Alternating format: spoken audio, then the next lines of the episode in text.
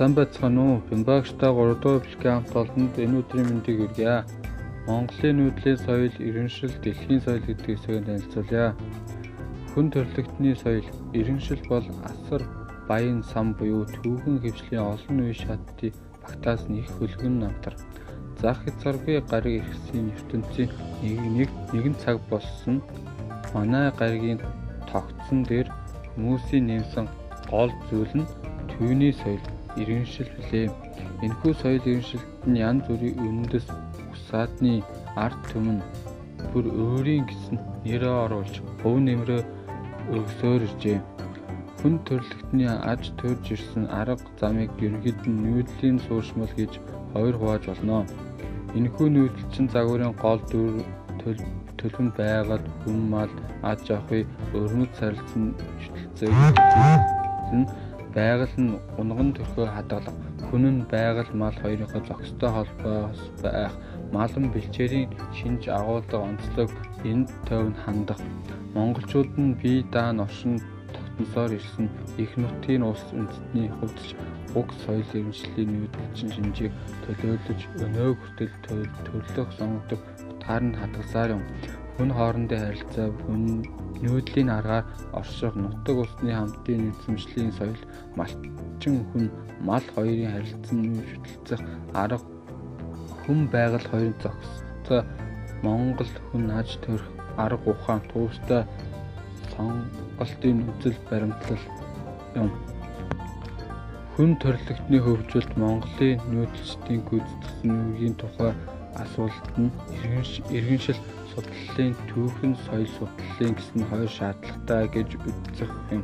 Иргэншил судлаач соёл судлаачдын бичснээс үцхэд иргэншил материалог, соёл, оюунлаг, иргэншил дуу, догшин, зөөлн, инэрэнгүй, зөөлн, иргэншил, хайр, найргүй, соёл, хүнлэг, инэрэнгүй, шинжтэй гих гэж тодорхойлсон. Соёл судлалын үүднээс хандвал тухайн ард түмний олон зуун жилийн турш бүтээсэн соёлын асар хүнэт зүйлсийг бэлгэн зүтгэж инрэх нэгүсэх үнэлэг ёсны эсрэг үлдсэн том гэмт хэрэг байсан гэж үзэж болно. Энэ талаас нь харвал альва дайн ямагт соёл эсрэг хөнөөлт шинж агуулсан байдаг. Зөвхөн монголчуудын төдийгүй түүнээс өмнө болон хойн гарсан түүний дотор орчин үед гарч байгаа том жижиг олон дайн бүгд ийм шинжтэй байсан одоо ч тийм шинжтэй байна.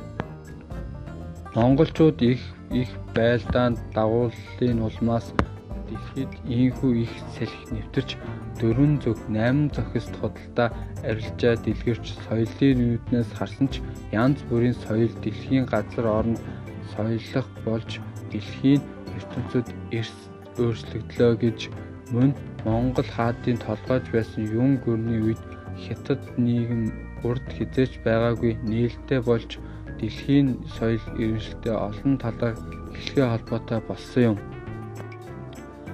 Монголын нүүдэлчд Орсын тогтносон түүхийнхээ бүхэл үеийн туршид 10 гаруй бичиг үсэг зохион хэрэглэж ирсэн төдийгүй анх үүсгэн зохиомжсон ард түмэн нь өөр соёл уусан шингэж уугуул бичгээ орхиж араб бичиг хэрэглэх болсноор олон зуун жил болж байхад тэр орхигдсон уугуул бичгийг хадгална хямгадаж их хэл их хэлнийхээ онцлог тохируулан сонгодог хэмжээнд хүртэл өөрчилсөн. Монгол ёс зүйн мэдлэх ням гэрлэх ёсон хүнс хоолой бэлтгэх арга технологи үр хүүхэд хойч үе хүмүүжүүлэх туршлах сургамж шашин шүтлгийн онцлог хүний сэтгэл зүйн үйл ажиллагаа ажиллагаанд тууштай ноён нуруу зэрэг амьдрал ахуйн олон баримтлал зэрэг нь соёл иргэншлийн түгээмэл санд багтах бүрэн боломжтой.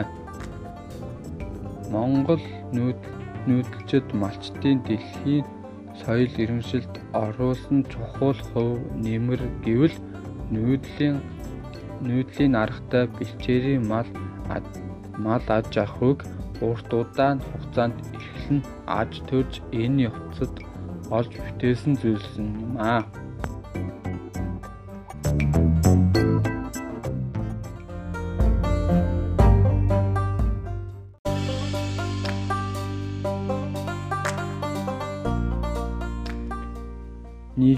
Харилцаа хүн бусдад харилцахдаа бие биентэйгээ мэдлэг бусдын хүндлэг үгийг нь сонсох зэрэгс харилцааны соёл хийнэ өнөөгийн залуус чөлөө чөлөө сэтгүүтэй болж өөрчлөгдөж байгаа ч гэсэн харилцааны хандлага нь өөр болсныг захын хүнээс харсан ч мэдгэнэ. Харилцааны ур чадвар гэдэг нь бол харилцааны соёлтой сашгүй холбоотой байдаг. Харилцааны ур чадвар гэдэг нь бол хөдөлмөрийн үр дүнг шууд тодорхойлж хүмүүстэй харилцах эв дүү ур ухаан арга барилыг нь цогц шинж юм аа. Хүний харилцаа буюу харилцан яриа нь тэр хүний цар хүрээ үзэл бодол хандлага соёлын түвшинд тодорхойлдог. Соёлтой харилцаа нь хүний царай төрөх хэлж байгаа үг нь оновчтой шийдвэр хийж байгаа үйдлээс харагдаг. Бид өдөр бүр харилцаанд ямар нэгэн хэлбэрээр орж байдаг. Бидний харилцаа нь өөр бусдад тодорхой хэмжээгээр нөлөөж байдаг. Тиймээс та бусдын сайхан өдрийг буснуулахгүй тулд үгээ зэмж бусдыг хүндэл байгаараа. Баярлалаа зүгээрээ уучлаарай гэх зэрэг үгийг нь ашиглаж сурвал соёлтой боловсон харилцааны эхлэл нь тавигдаж өгдөг. Жишээ нь хэн нэгэнтэй яаж танилцах вэ гэдгээс нь эхлэн харилцаа бий болдоо. Харилцааны соёлын харилцааг дотор нь гурван ангилдаг. Үүнд нь төрх байдал, дотоод сэтгэл, гадаад байдал. Хувь хүний соёл гэдэг нь бол тухайн нийгэмд хүний хүний бие авч авах байдал юм. Нэг үгээр хэлбэл суртахуунтай шууд холбоотой. Та соёл соёлтой хүний тоонд орох уу, бүдүүлэг хүний тоонд орох уу гэдэг нь танаас шалтгаална. Хүүхдүүдийн хажууд яаж харилцах нь тэр хүний ирээдүйд ямар хүн болох болохыг шийдэж өгдөө. Нийгмийн харилцаа гэдэг нь хүмүүс нийгэмд хамтран амьдрах, ажиллах, гэр бүл байгуулах зэрэг орчиндөө бусдаагаа харилцах харилцааг хэлнэ.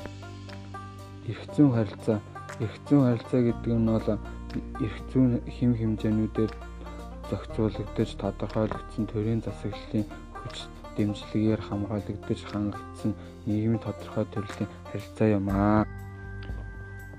Нийгмийн харилцаа гэдэг нь хувь хүний хүн ба нийгмийн бүлгүүдийн хооронд тогтоосон харьцангуй тогтвортой бие даасан холбоо хамаарлал юм аа. Альваа хүн гэр бүлийн хүрээнд ёс суртахуун зан заншлаас нь суралцсан улмаар цэцэрлэг сургуульд нийгэмшил боловсролын үйл явцаар дамжин нийгэм болж төлөвшдөг. Харилцаа нь зөвхөн мэдээлэл мэдээлэл дамжуулах төдий биш харин бүлэг хамтын олны амьдралын гүнд хүмүүс бие биентэйгээ харилцан өөрчлөх үзэл бодол итгэл үнэмшил хандлагааг хандлагааг зохицуулж өөрийн хэлбэрээр өөрийн хэлбэр тогтсон хандлагыг төлөвшүүлэх нийгмийн нийгэм төвийн туршлагыг эзэмших үйл явцыг харилцааг нэ. Харилцааны соёл гэж таны хувьд юу вэ? Өдөр бүр хоорондоо хүн хүнтэйгээ харилцах ёс суртахууны соёлыг их их бага хэмжээгээр эзэмшиж байдаг. Харилцааны соёл бол хүний хүн байгальтайгаа хүн хүнтэйгээ ахуй ертөнцтэйгээ харилцах өөрийн сурлаг юм.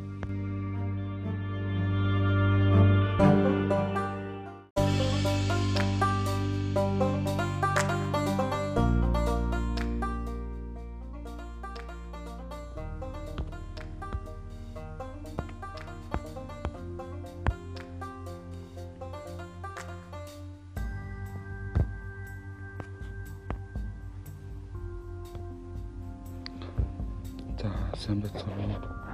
Та бүхэнд энэ өдрийн мэндийг хүргье. Улс төрийн тухай ойлголт. Улс төр гэж юу вэ? Энэ асуултанд бид нэгдүгээр тодорхой бүлэг хүмүүст хандсан нийтлэг шийдвэр гаргахыг ойлгох. Нэг хүн эсвэл бүлэг хүмүүс өөр нэгэнд бүлэг хүмүүс эсвэл хувь хүн үйл байдал нөлөөлөхийн тулд эрх мэдлийг хэрэглэх явдал юм гэсэн хариулт их ялбарчлах нь. Гэхдээ асуудал зүгээр дуусахгүй. Улс төрийн шинжилгээ ухаанд улс төр, улс төрийн бодлого, улс төрийн үйл ажиллагаа, улс төрийн ертөнц, улс төрийн амьдрал, улс төрийн хүрээ салбар гэсэн ойлголт нэр томьёо хэрэглэж байдаг. Гэтэл эдгээр нь аль нь сүр цөмбөрхий ойлголт, аль нь түүнээс урхан гарсан үүсвэл санаа ойлголт вэ? Эдгээр нь тус бүрийн цаа Тэгэхээр бие даасан үн чанарлаг өөр өөр бодит байдал зорчиж байна уу?